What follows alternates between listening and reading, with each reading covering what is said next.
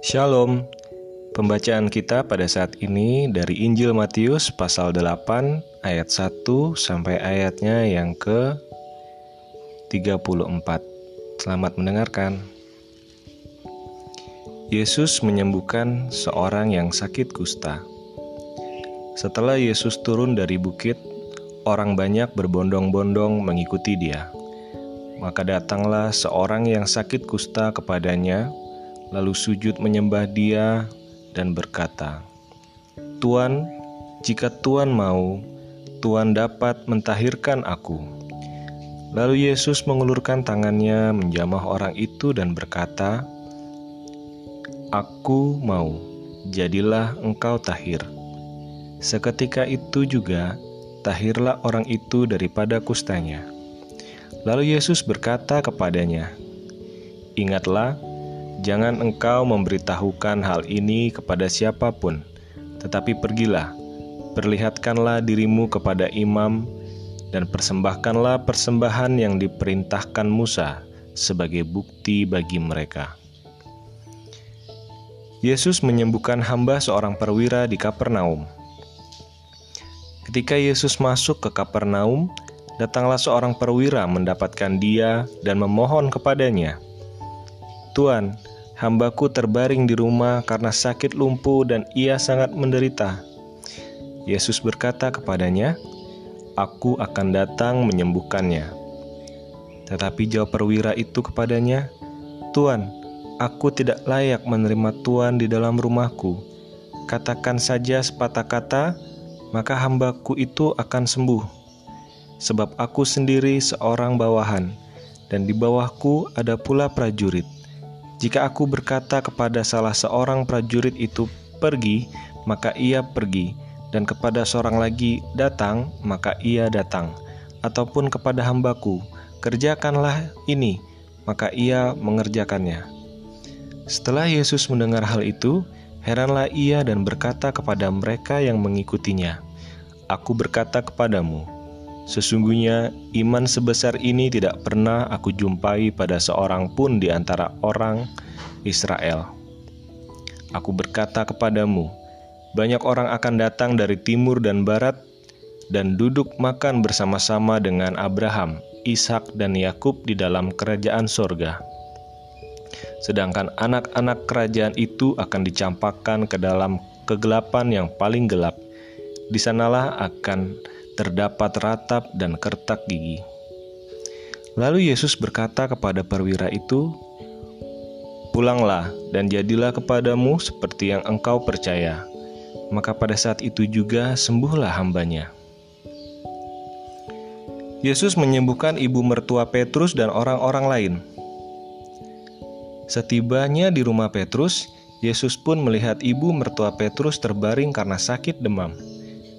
Maka dipegangnya tangan perempuan itu, lalu lenyaplah demamnya. Ia pun bangunlah dan melayani dia. Menjelang malam, dibawalah kepada Yesus banyak orang yang kerasukan setan, dan dengan sepatah kata Yesus mengusir roh-roh itu dan menyembuhkan orang-orang yang menderita sakit. Hal itu terjadi supaya genaplah firman yang disampaikan oleh Nabi Yesaya, "Dialah yang memikul kelemahan kita." Dan menanggung penyakit kita. Hal mengikut Yesus. Ketika Yesus melihat orang banyak mengelilinginya, ia menyuruh bertolak ke seberang. Lalu datanglah seorang ahli Taurat dan berkata kepadanya, "Guru, aku akan mengikut engkau ke mana saja engkau pergi." Yesus berkata kepadanya, "Serigala mempunyai liang dan burung mempunyai sarang, tetapi anak manusia tidak mempunyai tempat untuk meletakkan kepalanya.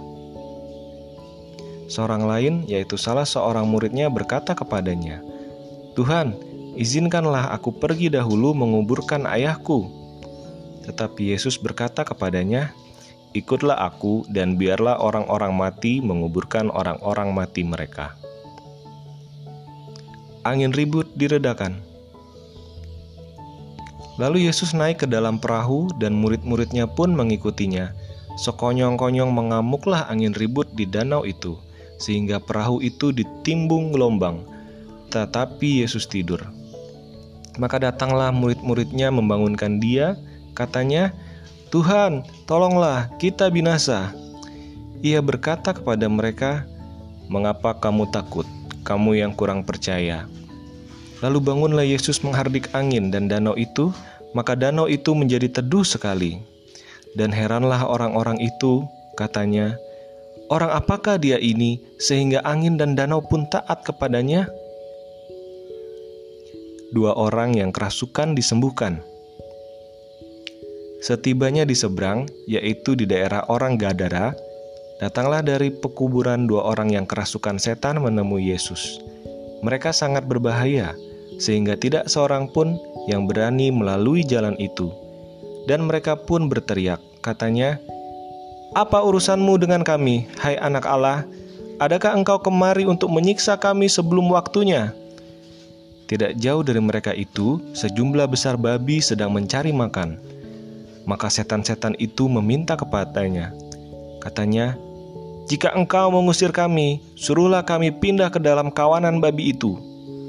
Lalu Yesus berkata kepada mereka, "Pergilah." Lalu keluarlah mereka dan masuk ke dalam babi-babi itu.